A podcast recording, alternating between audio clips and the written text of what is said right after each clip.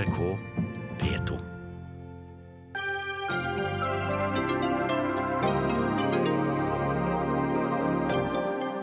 Rot rundt Forsvarets spesialstyrker. Forsvarssjefen hasteinnkaller til pressekonferanse om sin rolle nå klokka 18, og blir med direkte i sendinga.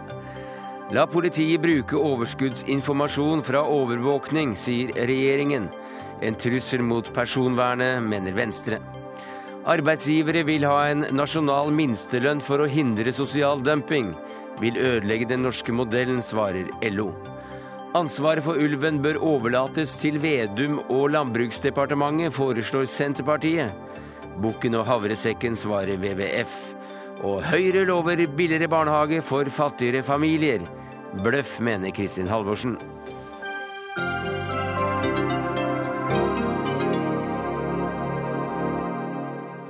Ja, Det er noen av sakene i Dagsnytt 18 denne torsdagen, der vi også tar debatten om det er kjøttbransjen som skal få lære opp skolebarna i kosthold og matlaging. Men først skal vi til Gardermoen, der forsvarssjef Harald Sunde altså nå skal ha begynt sin pressekonferanse om sin rolle i rotet rundt spesialstyrkene. Og reporter Andreas Meyer Eide, hva er kommet fram det første minuttet? Ja, Foreløpig så står eh, et pressekorps og venter på forsvarssjefen, så eh, pressekonferansen er ikke i gang helt ennå. Men eh, vi står da og venter på forsvarssjef Harald Sunde, som skal avgi en forklaring rundt inhabilitetsspørsmålet som har vært i avisene de siste dagene. Ja, Hva er det ventet at han kommer til å si? Det er, det er, ventet Det er det ingen som vet enda. Vi venter, vi venter er veldig spente på rundt hvordan han vurderer eh, både sin egen inhabilitet og også denne, denne situasjonen med Hanvik som er beskyldt for å avlytte marinejegersoldater, som, som er motstandere av en omstridt sammenslåing av spesialstyrkene. Og Vi skal høre mer om dette senere i sendinga. Da får vi med oss Sunde selv. Takk skal du ha.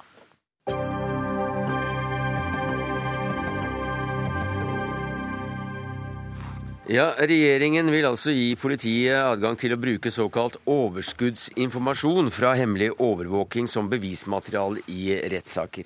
I dag kan politiet bare bruke slikt, eh, slik informasjon i tilfeller hvor det gjelder svært alvorlig kriminalitet. Og Trine Skei Grande, du er partileder i Venstre, og vi hørte deg tidligere si til NRK i dag at dette bryter med fundamentale rettssikkerhetshensyn. Hva da? Ja, fordi at telefonovervåking og romovervåking er ganske integritetskrenkende politimetoder. Derfor har vi hatt veldig strenge rammer rundt bruken av de to metodene. Eh, det skal være alvorlige forbrytelser, og det er rettskjennelser for å få lov til å gjøre det. Sånn har vi ramma inn det. Nå ser man at alt man kommer over eh, er ikke så nøye hvor alvorlig forbrytelsen er. Og vi må tenke over at her er politimetoder som rammer tredjepart der plutselig ting vi har sagt i et rom eller på en telefon, plutselig kan bli flammerakt i retten fordi et, eh, en av dem vi har snakka med, er utsatt for denne type mm. overvåking. Personvernet? Og personvernet, men altså, Vi mener jo at det er greit å gjøre dette under rettsstyring i alvorlig kriminalitet. Mm. Men det som gjøres nå, er at man flytter grensa dramatisk med å si at man kan bruke denne overskuddsinformasjonen som ikke er alvorlig kriminalitet, og som angår andre enn det man egentlig tenkte å overvåke.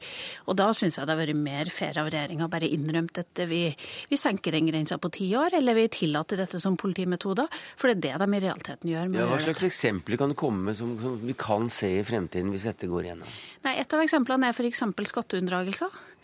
Eh, at man, eh, man, eh, skryter til en venn som blir overvåka av en annen grunn, og forteller om en som da er en mindre kriminell handling enn med ti års strafferammel. Og da blir du straffeforfulgt av dette. Jeg syns, jeg syns ja. det er ganske integritetskrenkende, og da må man ha strenge rammer på hvordan man bruker. Her er det fullt oppløp.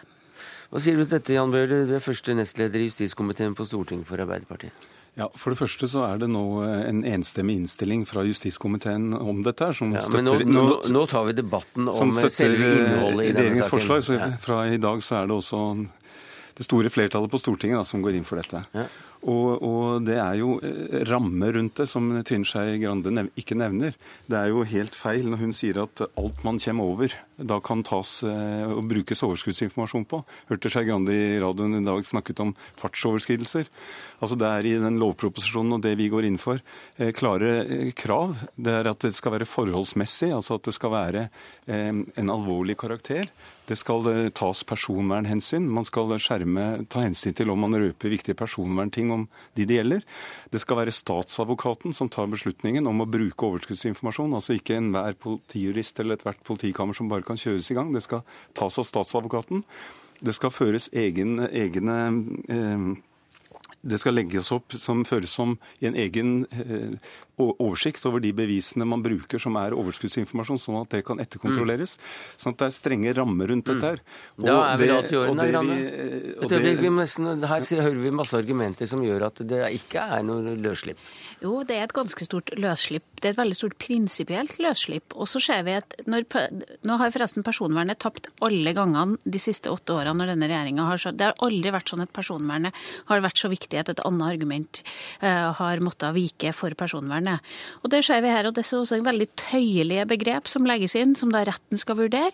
Og her skal det legges fram for retten da informasjon som er tatt opp, hemmelig av min og din telefonsamtale f.eks. Og da er det ute i det offentlige rom. Da er faktisk den informasjonen om deg ut i det offentlige rom, for rettssak kan være åpen. Og her kan da informasjon om, om private ting for folk plutselig legges ut i en åpen rettssak. Men Skei Grande har lett for oss å eh, skape bilder som ikke er i samsvar med det som ligger i forslagene. Mm. Og her er det jo altså, opptak av min og din telefonsamtale. Altså Konkret da, så vil det være tilfeller eh, hvis du f.eks. befinner deg på et rom hvor det er romavlytting. Det er veldig strenge krav for å få romavlytting. Med svært alvorlig kriminalitet, eh, mistanke om terror eller, eller en annen ekstrem eh, kriminalitet. Og så skal du da, eh, hvis du forteller i det rommet eller på telefon til vedkommende at jeg har begått f.eks. ran der og der, eller er i ferd med, hvis det er en svært alvorlig skattesak, da ikke hvis det er skattesnusk, men det er en svært alvorlig skattesak, forteller om det, så vil det da kunne brukes hvis det er forholdsmessig. Mm. Hvis det er forholdsmessig, og det betyr, og det betyr jo da at det skal være alvorlig. Ja, ja og da synes jeg at da kan de jo bare innrømme at du kan ha bruk romavlytting og telefonavlytting på mindre alvorlige forbrytelser. Hvorfor kan de ikke bare prinsipielt forholde seg til det? Jeg vet at justiskomiteen mangler venstrefolk og mangler liberalere med de refleksene, og det har de, det har de dumma seg ut på noen gang før. De måtte ha snudd i salen når våre argumenter har blitt lagt fram, f.eks. med, med ransaking av skoler. Mm. Så det, det, er noe med den grunnleggende refleksen at vi må ha noen prinsipper i samfunnet. Og da syns jeg det er vært mer fair av regjeringa å si at vi bruker romavlytting, vi bruker telefonavlytting for all type kriminalitet. Det har vært mye mer fair enn det vi gjør nå. Jon Wesselås, du er advokat, og du har jobbet med slike prinsipielle spørsmål som daglig leder i Den internasjonale juristkommisjonen i, i, flere år. Hva innebærer dette egentlig, altså at politiet får lov å bruke overskuddsinformasjon i større grad enn de har i dag? Hvis du skal ta det, det prinsipielle, så innebærer det én at det går utover altså Dette er jo rettssikkerhetsproblematikk. Det går utover forutberegneligheten for borgerne for når de skal kunne regne med at kommunikasjonen deres er avlyttet, og det de sier når de snakker til folk, kan brukes mot dem. Um, og det er et stort problem når det gjelder det som heter kontradiksjon. Altså det at det som, når, det, når man ber om å få avlytte telefoner, uh, så skal man jo kunne være representert. Bare for å forklare det. Det ene vi snakker om nå, det er når politiet får adgang til å drive telefonavlytting i alvorlige straffesaker. Mm. Da er det allerede manglende kontradiksjon, for den som skal avlyttes, får jo ikke lov å snakke selv, for han får ikke vite om det. Han får en advokat som skal representere han, som ikke kan snakke med han. Mm. Slik er det i dag. Det, og det er i dag, og det er allerede en svekkelse. Hvis du i tillegg da kan bruke overskuddsinformasjon, opplysninger om andre mennesker i de samtalene om annen kriminalitet av mindre alvorlig grad, så har jo aldri de vært representert i utgangspunktet for den avlyttingen. Det har aldri vært representert, kunne tatt til motmæle. Det er en helt tilfeldig overvåkning. Sånn som det er i dag, så vet du hvis du beveger deg inn mot uh, straffbare forhold uh, som du vet er alvorlige, og som politiet kan avlytte for å etterforske eller avverge, ja, da har du en viss forutberegnelighet. Du vet at hvis du lefler med terror eller med grovt eh, organisert kriminalitet, ja, da må du passe deg for hva du snakker om. Da er det kanskje ikke så synd på deg.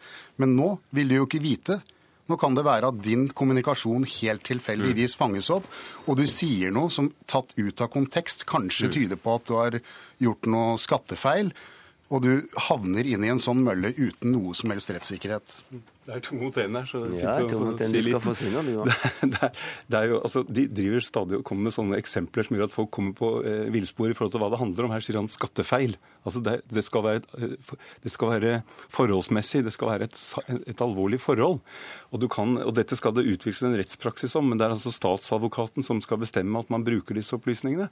Og det det handler om for meg er jo, her er jo tredjepart også de menneskene i samfunnet vårt som utsettes for kriminalitet. Altså Når politiet vet at her har de f.eks. personer som holder på med aktiv ransvirksomhet, og ikke kan stoppe dem fordi at man eh, ikke kan bruke disse opplysningene Hvis du mener at ran så skal må- være en god nok grunn, må- hvorfor skjer det ikke da? så må man eh, kunne bruke det Dette er opplysninger man har fått på lovlig vis. Når politiet bruker andre etterforskningsmetoder, altså som ikke er romavlytting, kommunikasjonsovervåking, det er mange andre inngripende metoder politiet bruker, så kan de alltid bruke de opplysningene, selv om det ikke var den saken de var ute etter da, til å forfølge den kriminaliteten de oppdager. Og det skal så man også hvis kunne vi nå. skal ta vare på menneskene i samfunnet vårt mot kriminalitet, så må vi kunne eh, ta den kriminaliteten vi oppdager, når den er av en så alvorlig karakter som det er snakk om her.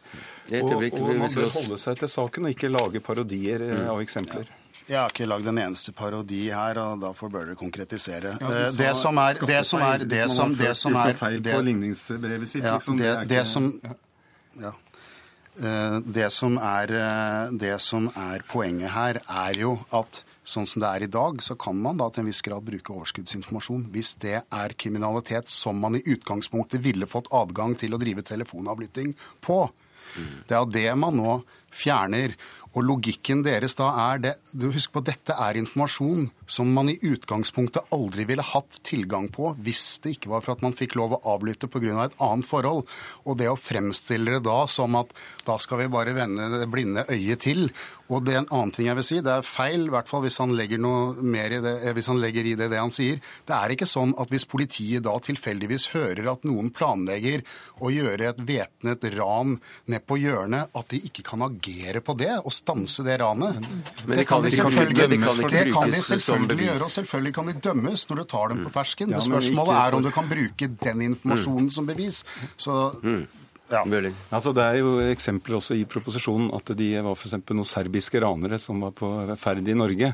Og så ble de eh, De eh, hadde fått adgang til å følge dem med, med kommunikasjonsovervåking pga. Et, eh, et alvorlig, en alvorlig plan de hadde.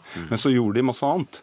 Og så måtte politiet, for å ta vare på borgerne, stoppe dem for dette andre. Og da kunne de ikke få dem dømt for det, fordi de hadde ikke fått kommunikasjonsovervåking for det andre, de andre Man kunne ikke innbruddene de bruke gjorde. den informasjonen som har kommet dømt. fram De- i telefonavlytting, som bevis i rettssaken. i den saken. Og det samme er eh, hvis, hvis f.eks. en person forteller da, hvis han er eh, til en person som er romavlyttet at han har, man har begått en alvorlig volds... Man har Mm. begått en alvorlig blind voldhendelse. Eh, holdt på å drepe et menneske.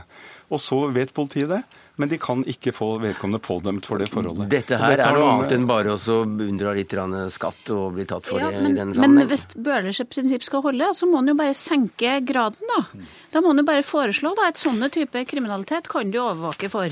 Det hadde vært en mye mer real måte å forholde seg til. Og forskning viser at det er veldig få eh, eksempler av akkurat dette her, de som har gått i dybden på det her av objektiv, objektiv art. Men jeg har bare lyst til å si at det er faktisk litt forskjell. Jeg har lyst til å sammenligne to ting. Hvis du, hvis du går inn og har en anonym, hemmelig ransakelse av et hjem, så kan du bruke ganske mye informasjon. Forskjellen på det i forhold til telefonavlytting og romavlytting er at hvis du ransaker et hjem hemmelig, så finner du veldig sjelden ting som angår tredjeperson. Du, du, kan finne, ja, du kan finne en truse på soverommet som kanskje ikke skulle ha vært der, men det er ikke veldig inngripende sammenligna med det å f.eks. overvåke noens samtaler, eller samtalen i et rom. Og Det er derfor vi har satt så strenge restriksjoner rundt de to, bruken av de to politimetodene. Og de strenge restriksjonene mener jeg fortsatt bør fortsette, for det rammer så mange andre. Trine Skei Grande, partileder i Venstre, Jan Bøhler, første nestleder i justiskomiteen på Stortinget for Arbeiderpartiet, Jon Wessel Aas, advokat og daglig leder i Det internasjonale juristkommisjonen i Norge. Takk skal dere ha. Dagsnytt 18 når du vil, på nettradio eller som podkast. nrk.no – dagsnytt 18.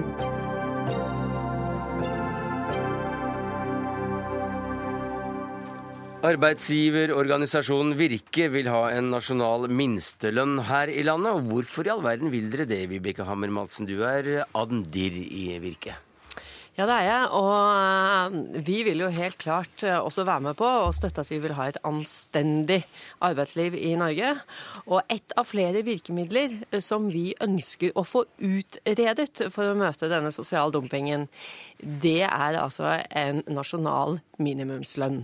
Mm, hvorfor det? For det tror, mener vi at den er jo Altså, den er enkel å forstå for alle. Det å få et helt klart, tydelig veiskilt med ett tall som sier dette er lovlig grense for minimumslønn i Norge, ja, det gjør jo at det er lett for de som kommer inn til Norge, de som er i Norge, å forstå hva som, eh, hva som gjelder. Og dette må være et godt forslag for arbeidstakerne her i landet, men du er allikevel skeptisk, Hans Christian Gabrielsen, nestleder i LO. Hvorfor det?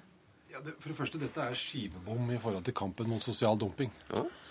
Det er, eh, det er skivebom. Altså, vi, vi bekjemper ikke sosial dumping ved å innføre en nasjonal minstelønn. Eh, det vi gjør da, er at vi lovfester bare retten til å underbetale. Vi har i dag eh, minstelønn i Norge, og den ligger i tariffavtalene. Og Det forslaget som Virke og Madsen kommer med, det er i realiteten en, en fundamental endring av lønnsdannelsen i Norge. altså vi, Hvor vi overfører ansvaret for lønnsdannelsen fra partene i arbeidslivet til Stortinget. Og undergrave med det altså hele tariff, tariffsystemet. Hele det som er grunnlaget for den organiserte, eh, det organiserte arbeidslivet og den, et viktig komponent i den norske modellen. Så for det første så er dette da altså å lovfeste retten til å underbetale, og for det andre så bryter du med hele det norske systemet og den norske modellen. Og er det meningen? da? Nei, men altså, her syns jeg vi blander velgere. Vi må huske på at Virke er den nest største hovedorganisasjonen. Og vi vil jo da slettes ikke gi fra oss eh, vår påvirkning og makt til å være med og forhandle lønn. Eh, tariffavtaler. Men det vi snakker om, det er jo at kommer du inn til Norge, så skal det stå et klart skilt. Lønn under dette. Det er altså ikke lovlig. Under 20 kroner eller 120 eller 220? Ja, men det er jo det vi ønsker å utrede. Her er det jo flere vanskelige forhold. Og vi ønsker jo bare å stille det spørsmålet. Som parter i næringslivet så stiller vi det spørsmålet. Kan dere ikke være med å utrede dette, sånn at det er klart for alle som kommer til Norge, at f.eks. under 100 kroner er ikke akseptabelt, det er ulovlig. Og så vil jeg også være forsvarer av hovedavtalen, av tariffavtalene. For det er jo der vi forhandler lønnen som skal gjelde for eh, de mange ansatte. Og det skal vi fortsette med, for det vil vi være part til. Ja, og Det er det som er poenget, Vibeke Madsen. Vi forhandler minimumslønnen to ganger i året, eller ikke to ganger i året, hvert annet år gjør vi det. I hovedavtaleforhandlingene og i tarifforhandlingene. Da forhandler vi sammen med Virke det som skal være gulvet innenfor den bransjen. Eh, Og jeg mener at framfor å nå fremme et forslag om en nasjonal minstelønn, som i Europa ikke er et eh, i hovedsak begrep eh, brukt for å bekjempe sosial dumping. Nei, det er altså et begrep man bruker for å bekjempe fattigdom. Eh, og det vi gjør hvert annet eh, år, det er å forhandle det gulvet sammen. Eh, jeg mener at Virkes hovedanliggende burde heller være på Hun sier at de er den neste største, nest største arbeidsgiverorganisasjonen. Ja, men da burde heller hovedfokuset vårt være å øke avtaledekningen innenfor Virkes område, som Ja, for- jo er den laveste i Norge. Men det det er det som er problemet, at det er ikke alle som kommer inn og tar seg arbeid, som faller inn direkte under eh, de ulike tariffbestemmelsene. Og det er vel de man snakker om da at bør få en minstelønn. Men dette er jo, utfor Ja, dette er jo Et, et øyeblikk, jeg, jeg spurte LO. Ja, ja, men det er helt riktig. Ja. Men, men selv om uh, vi har uorganiserte bedrifter og vi har uorganiserte arbeidstakere, så er den minstelønna som er fastsatt i tariffavtalene, akseptert som et Så det er ikke behov for dette? Den, det vi er nødt til å bekjempe sosial dumping med, er helt andre virkemidler enn nasjonal minstelønn. Da trenger vi virkemidler som regjeringen har levert i forhold til disse disse handlingsplanene. Vi trenger flere virkemidler, for sosial dumping er, et, det er ikke et statisk begrep. Det er et begrep som stadig er i endring. Og da må vi hele tiden utvikle virkemiddelbruken vår. Men det vår. du sier, det er at det de facto er minstelønn i Norge innenfor de ulike bransjene som altså eh, dekkes av avtalefelt etter avtalefelt. Men utfordringen er jo at vi har sosial dumping. Og at det er mange som kommer inn som ikke er dekket av disse avtalene. Og som gir da, ser vi, graverende eh, lav lønn og forhold. Og da ønsker vi i Virke å være med på å bekjempe eh, dette forholdet, og kommer da med et svar til hvorfor kan vi ikke være enige om at vi eh, blir enige om hva som er lovlig i Norge, som skal gjelde alle, ikke bare noen. Eh, og det gjør det altså da tydelig med et, eh, med et skilt. Og det, det blir enkelt å forstå. Men, men dette skiltet som Madsen eh, etterlyser, det fastsetter vi hvert annet år i tarifforhandlingene. Det, det hun foreslår nå jo men, hør, jo, men, jo, men hør nå, for det, det du foreslår da, det er at man skal innføre nasjonal minstelønn som vil undergrave de satsene som vi og Virke sammen setter som det laveste nivået. Og Da foreslår du med andre ord at du vil utkonkurrere egne medlemsbedrifter for å fastsette en lavere lønn. For Jeg regner ikke med at du vil fastsette en lovfesta nasjonal minstelønn til 150-200 kroner. Men, men, men da ser du jo helt bort ifra den kraften som vi har sammen som parter i næringslivet til å forhandle frem gode tariffavtaler, og arbeidsgivere som absolutt har behov for å gi riktig lønn for å kunne beholde og tiltrekke seg arbeidskraft. Det vi snakker om, er altså eh, de som eh, ikke driver skikkelig i Norge, de som gir en så lav som lønn som vi ønsker å si dette er ulovlig, og vi ønsker å gjøre det likt Ganske for kort- alle sammen, kort og ikke eh, undergrave forhandlingssystemet uh, i hele tatt. Hammer Madsen, uh, hvem er det som skal bestemme, da? Vi ønsker når det er en nasjonal, så sier vi at det til syvende og sist er det Stortinget, men det kan det absolutt være partene i næringslivet som er med og komme med vårt forslag. Takk skal du ha, Vibeke Hammer Madsen, administrerende direktør i Virke, og Hans Christian Gabrielsen, nestleder i LO.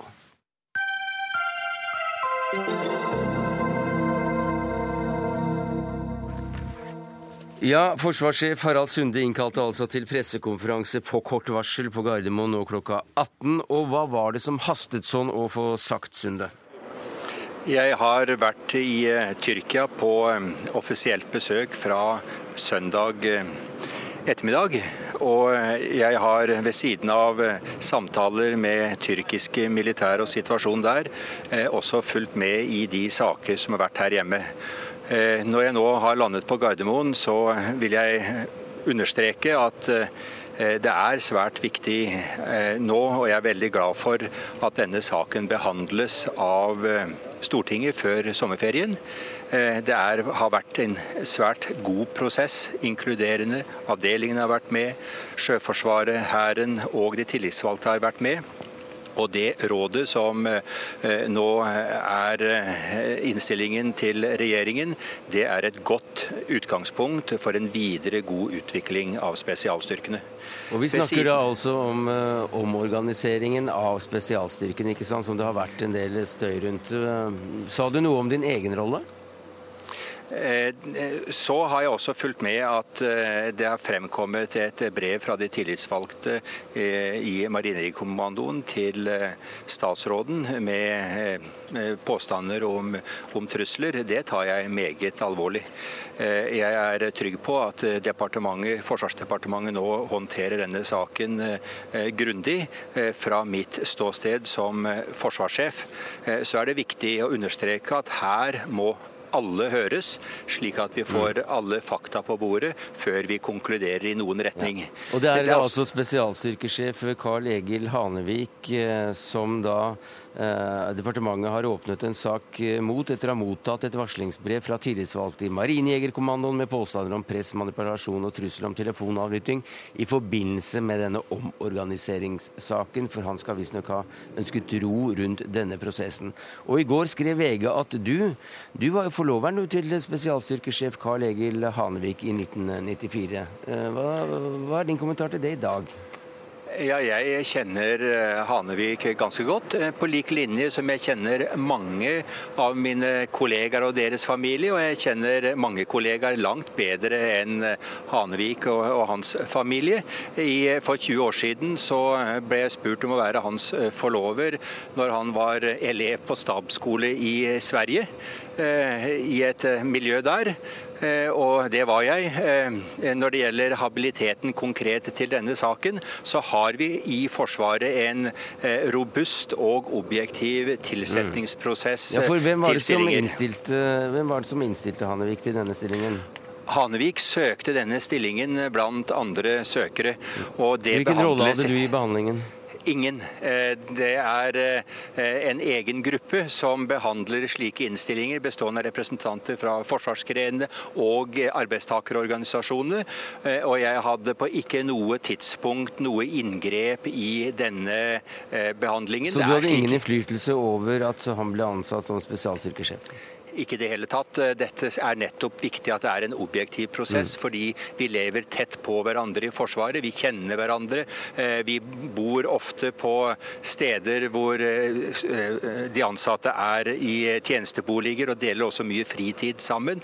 Det er jo nettopp derfor vi har den prosessen vi har, at det er en egen gruppe som behandler tilsettingssaker. I denne konkrete saken så var det en klar og entydig innstilling av Hanevik. Som ikke du eh, hadde noen ting med å gjøre?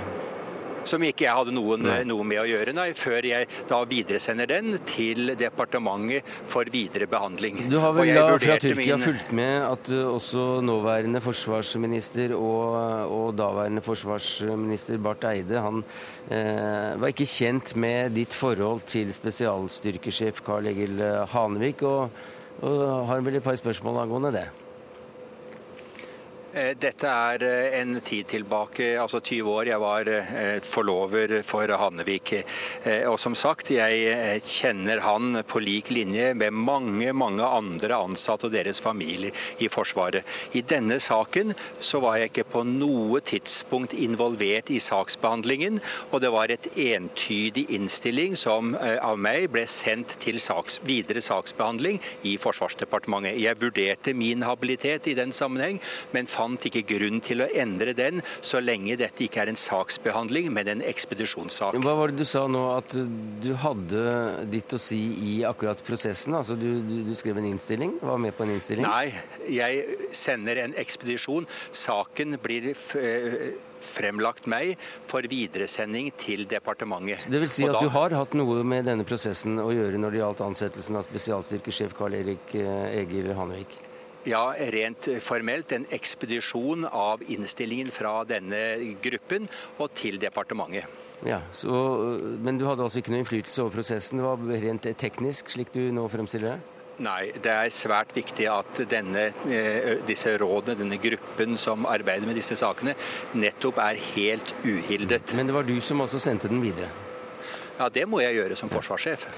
Takk skal du ha, forsvarssjef Harald Sunde. Kjetil Stormark, du er eh, frilansjournalist, du er forfatter. Du skriver på en bok om nettopp kampen om, om terrorberedskapen her i landet. Hva slags sak er dette?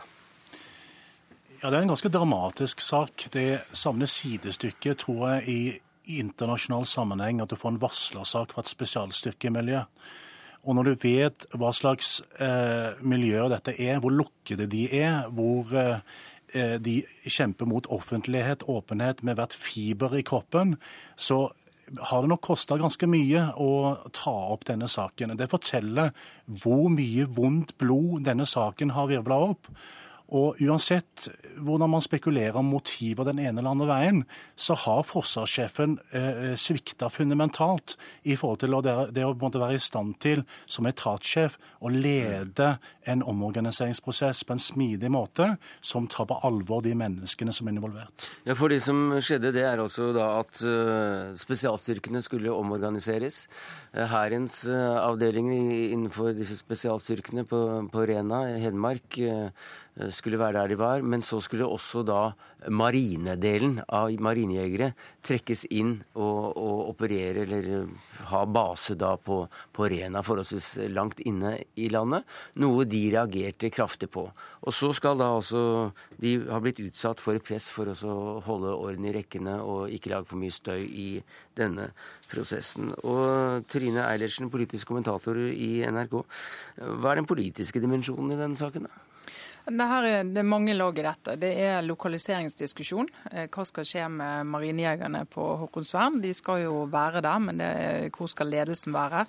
Eh, og du får selvfølgelig det som er opposisjonens rolle, og det er jo å utfordre og tidvis plage regjeringen og statsråden. Og denne saken med varslingen, eh, måten omstillingen foregår på, det gir jo opposisjonen all, mulig, all mulighet til å gjøre det. Til å stille spørsmål, til å foreslå at saken skal utsettes og si at her har det vært gjort slett arbeid. Mm. Ja, for Vi hørte jo da at Stormark sa at um, forsvarssjefen Uh, har jo opptrådt litt vinglete her, for uh, han støttet først at uh, man skulle lokalisere også marinegjengen til, til Hedmark, men har også da snudd i, i denne saken.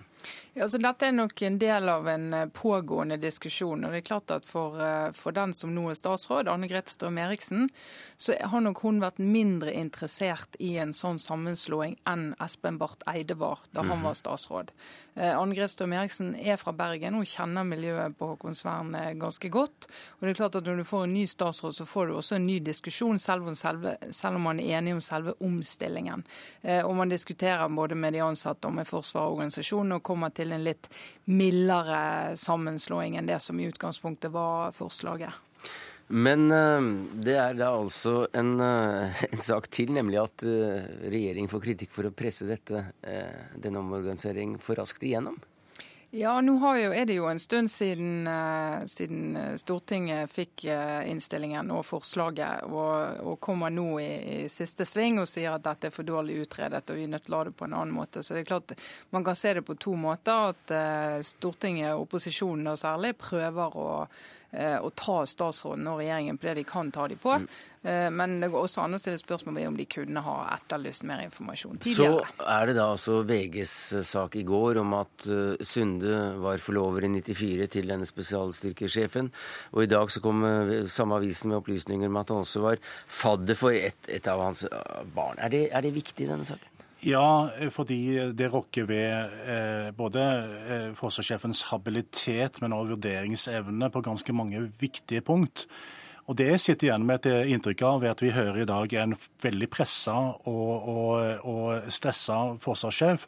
Han har ingenting å selge. Eh, han kaller inn til en pressekonferanse i det øyeblikk eh, altså på en veldig dramatisk måte men uten å ha noe å tilby, uten å kunne vise noe handlekraft, annet enn å bli drevet fra skanse til skanse.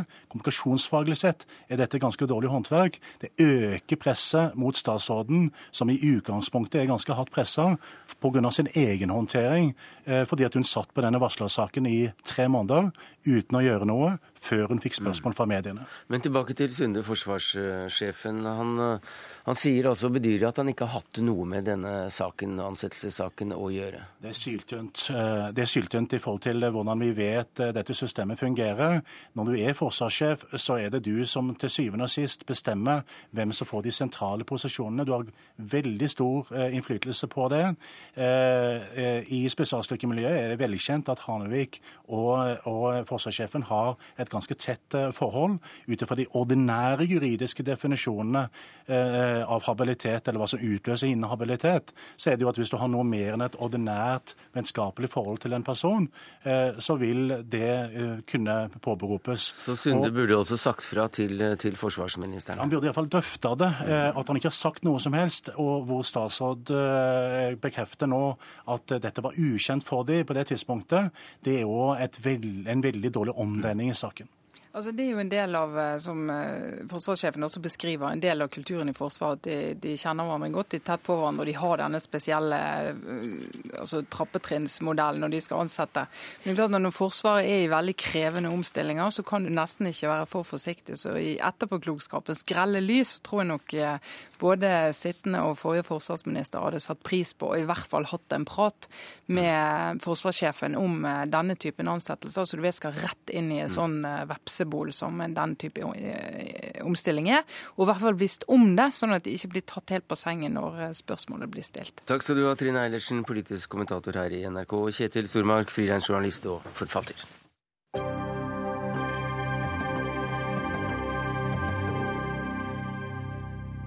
La landbruksminister Slagsvold Vedum ta over ansvaret for ulven og de andre rovdyrene. Ja, det sier du til østlendingen, stortingsrepresentant for Senterpartiet Olov Grøtting. Hva mener du med det? Jo, eh, vi har jo et rovviltforlik som er veldig bra, men det må følges opp. Og rovviltpolitikken den er egentlig todelt. Den handler om vern til rovdyr. Men den handler òg om forvaltninga av rovdyra, og at en skal kunne bruke utmarka til næringsutvikling. Og den delen Tore, syns jeg blir altfor lite ivaretatt. Det blir vernet som vinner hele tida. Ja, For du sier at Landbruksdepartementet har en mer realistisk tilnærming til rovdyrpolitikken? Ja, det stemmer. Det er helt klart. Og jeg, som jeg sier, vi har et rovviltforlik som må følges opp.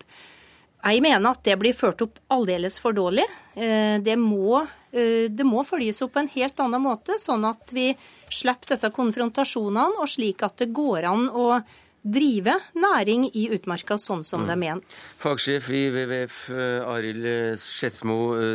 Hvordan tror du det blir hvis landbruksminister Trygve Slagsvold Vedum får overta ansvaret for rovdyrene våre?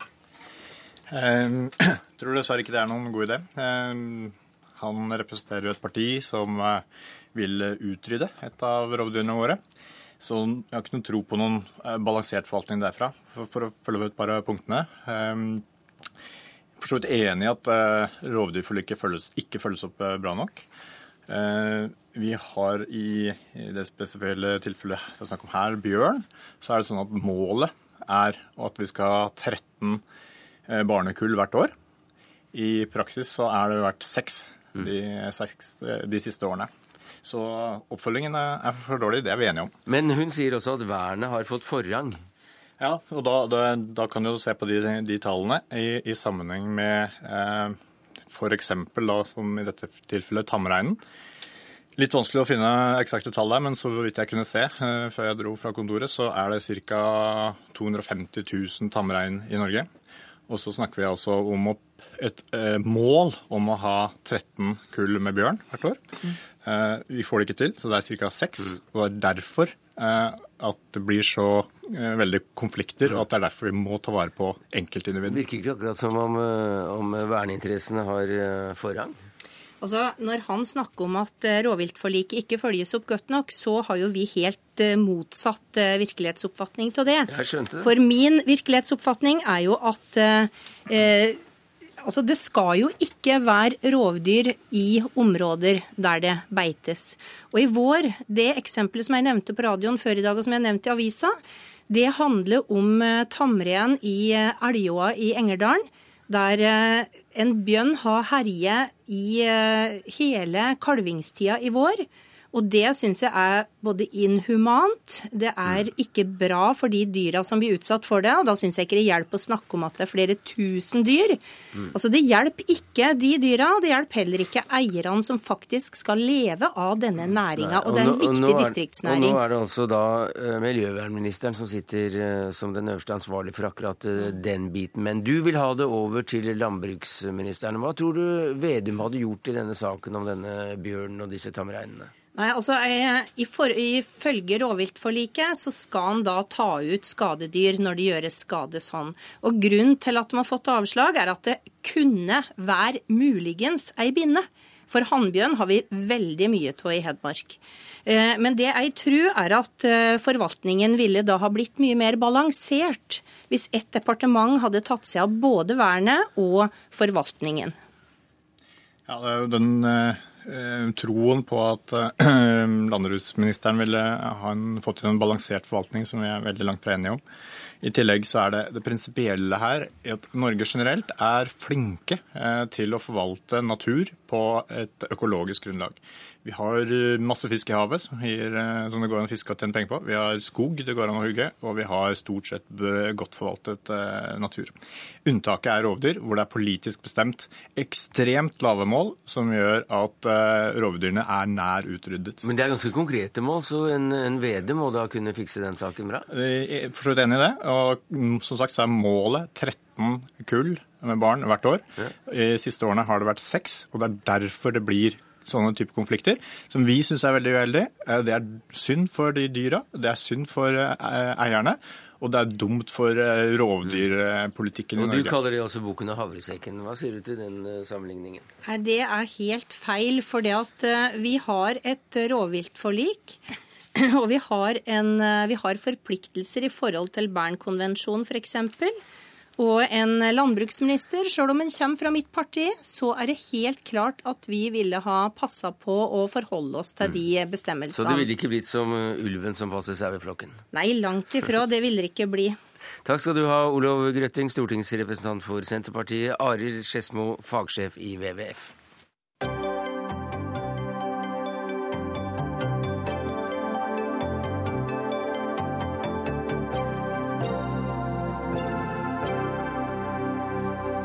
Ja, i dag er det makspris på barnehager, enten du er Jørgen Hattemaker eller mer enn kong Salomo.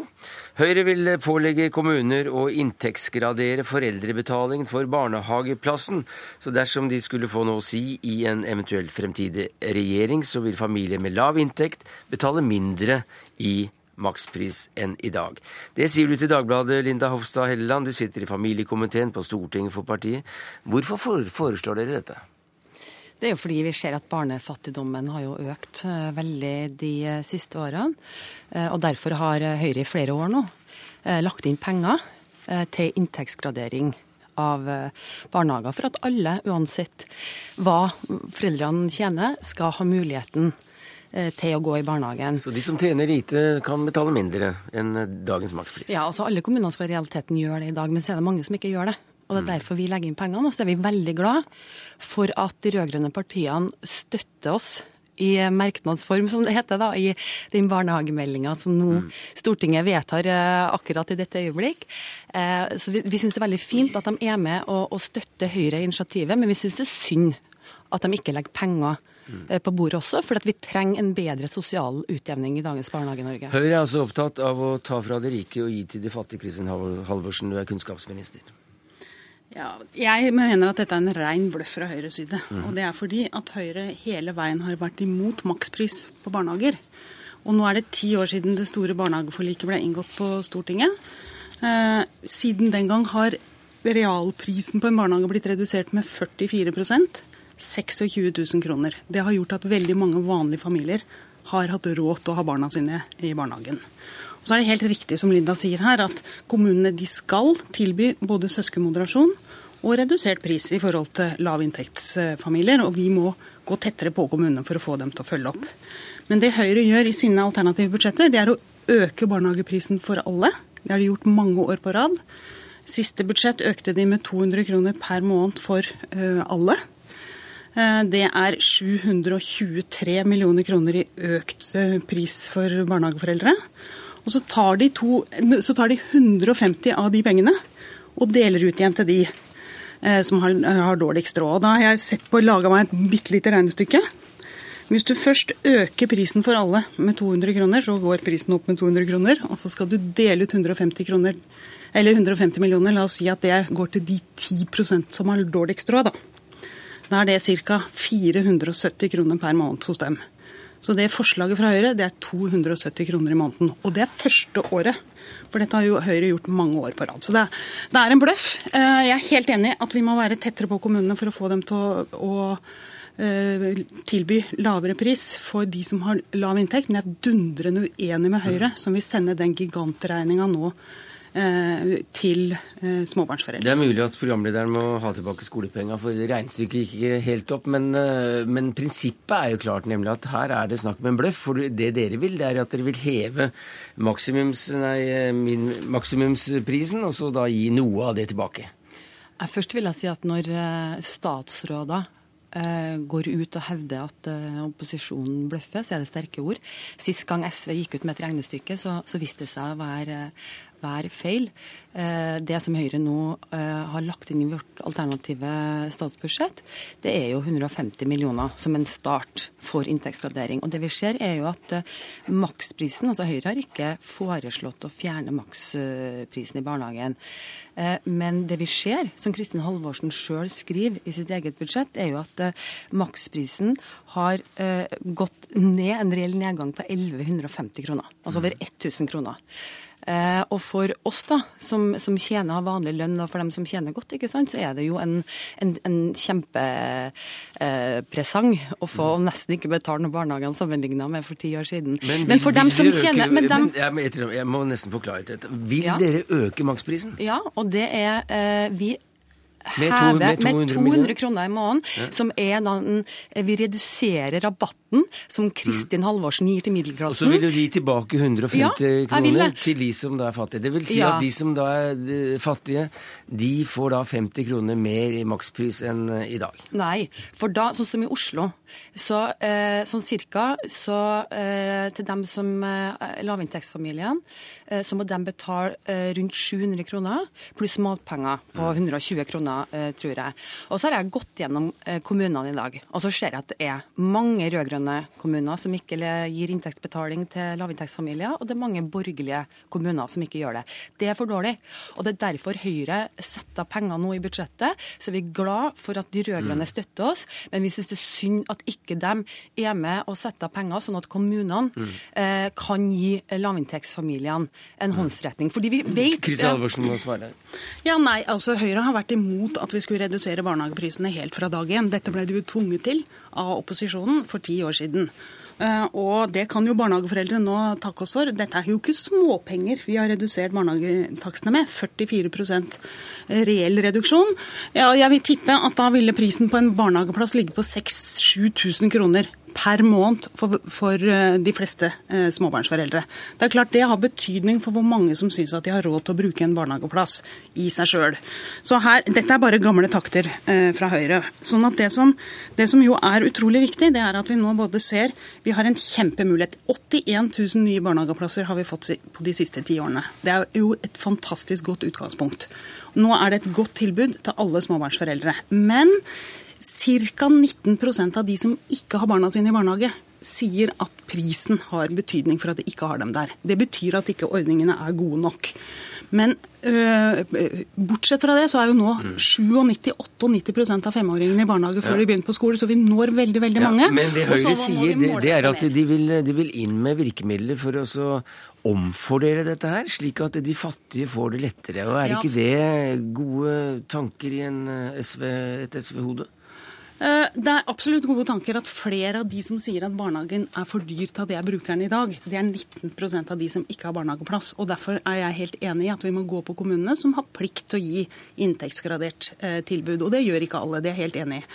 Men det Høyre gjør når det gjelder barnehagepris, det er først så tar de 723 millioner kroner fra de som har barn i barnehage, og så deler de ut igjen 150 millioner til de som har minst. Så først setter de opp prisen, og så setter de ned. Det er, de det er en er veldig, altså, veldig dårlig oppskrift. Jeg synes det er synd at man er så aggressiv i debatten her.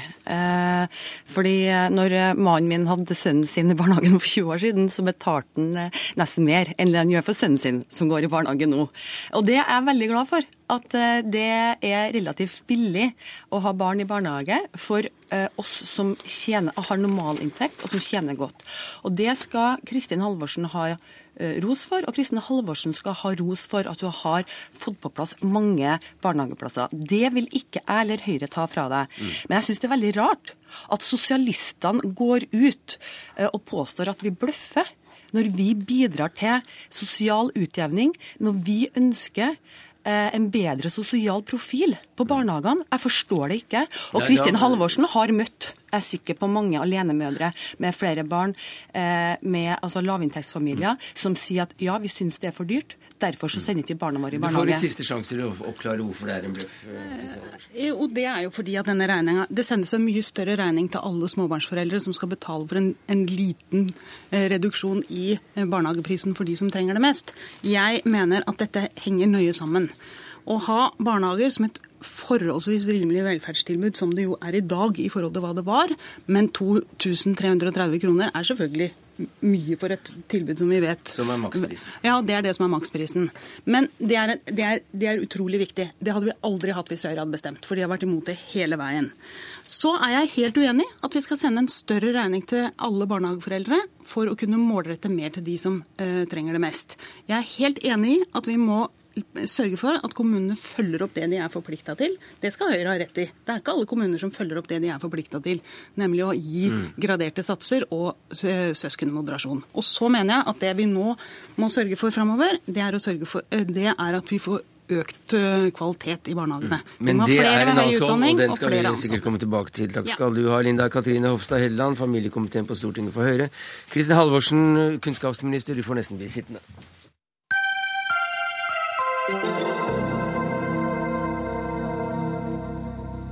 For kyllingene bor inne i store kyllinghus der alle kan flakse og fly rundt som de vil. Dette sitatet er fra en skolekokebok, eh, og det har fått eh, fremtiden i våre hender til å hytte med neven i NRKs ytringsspalter. Og hva er galt, Arild Hermstad, du er leder i Fremtiden i våre hender? Eh, Det prinsipielt feile er at eh, et eh, kontor som skal ha som formål å øke konsumet eh, av kjøtt og egg, får lov til å lage et eh, læreverk i skolen. Det er nesten umulig å gjøre det riktig, og, Kjøttkontoret har bevist at, er, at de ikke klarer det. Eh, Dette sitatet er eh, et eksempel, men det er, boken er full av lykkelige dyr som går fritt rundt på tunet på gårdene våre, og virkeligheten ser dessverre ikke sånn ut. Hvordan ser virkeligheten ut for disse mm, kyllingene, bare for å ta det som et eksempel? Nei, altså, Hvis vi hadde hatt en tabloidavis foran oss, en VG sånn stor, så er det altså 19 kyllinger som, som skal dele på den plassen som det tar å brette ut en sånn eh, avis.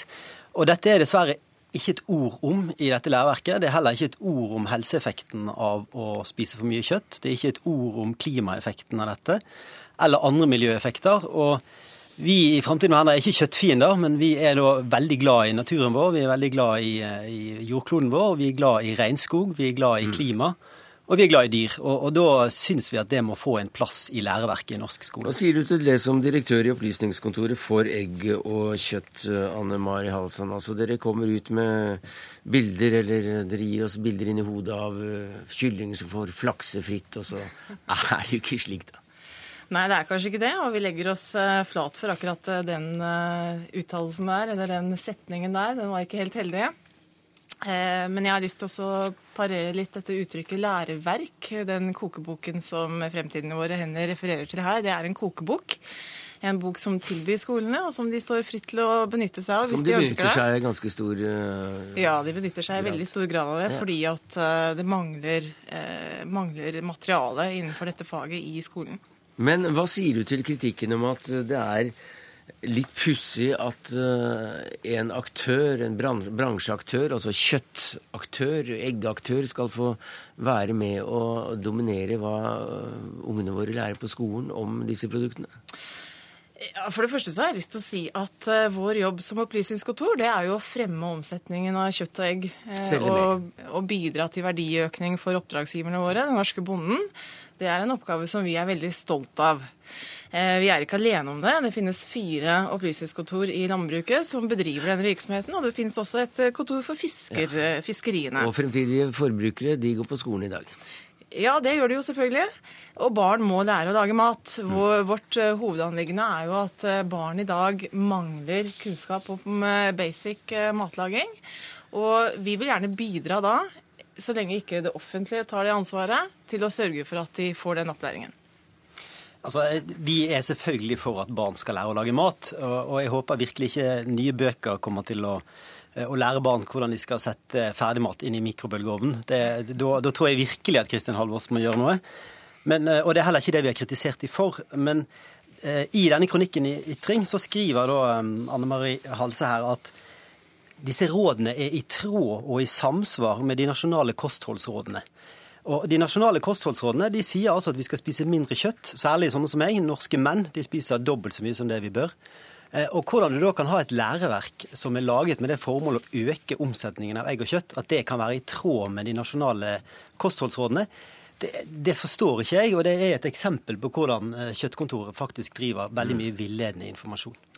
Ja, uh, igjen, Den boken han refererer til, det er ikke et læreverk. Det er en kokebok som tilbyr skolen.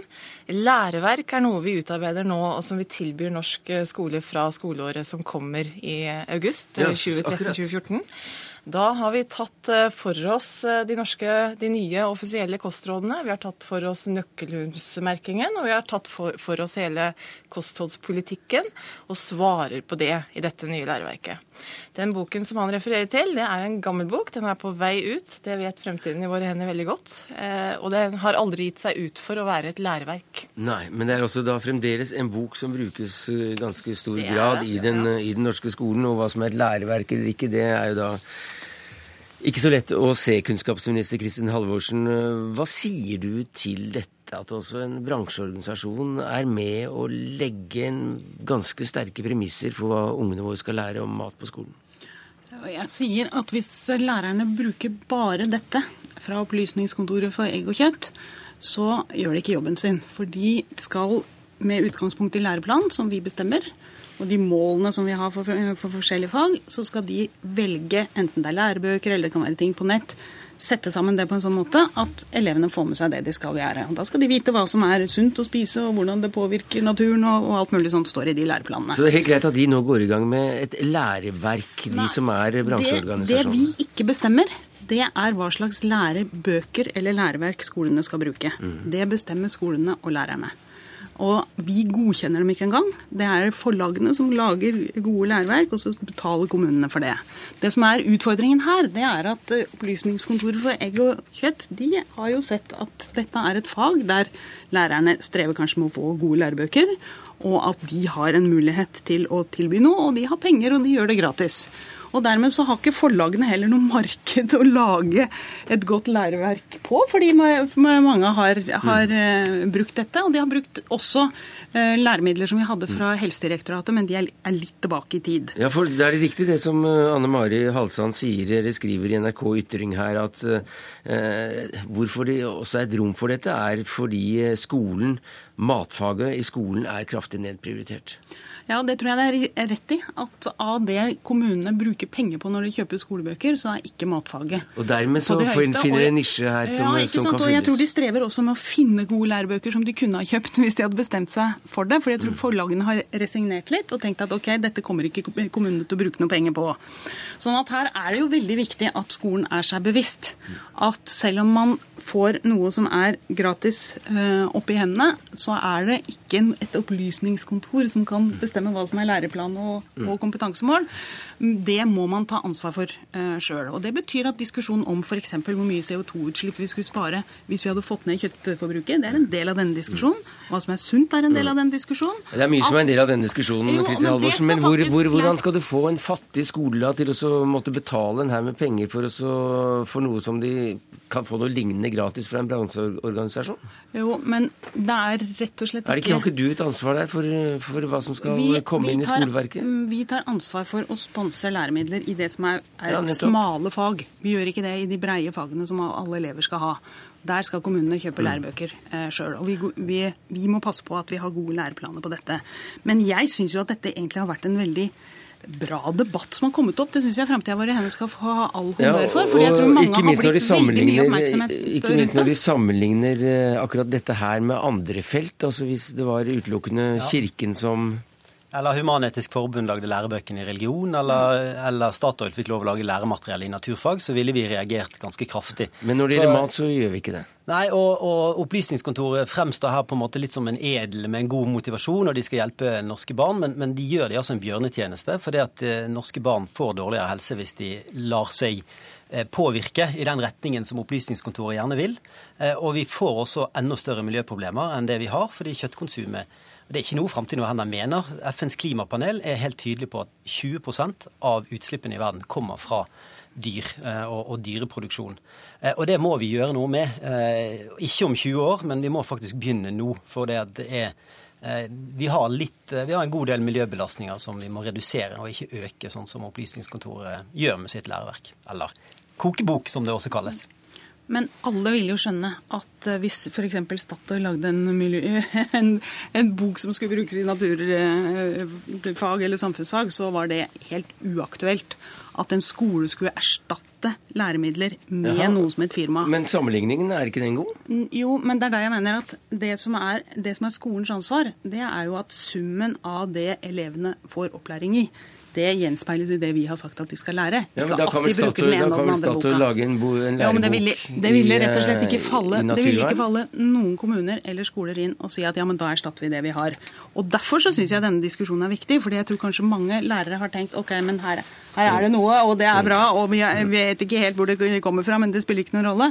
Det er veldig bra at mm. den diskusjonen har kommet opp, og så må jo ja. vi se om vi kan ta initiativer ja. til at vi får mer blanda læremidler på det dette området. Det er bra diskusjonen kom opp, men uh, nå går den mot slutten. Uh, takk skal uh, dere ha, Arild Hemstad, Anne Mare Halsand og Kristin Halvorsen. Det var det vi rakk. Takket være Dag Dørum, Lisbeth Sellreit og Sverre Tom Radøy.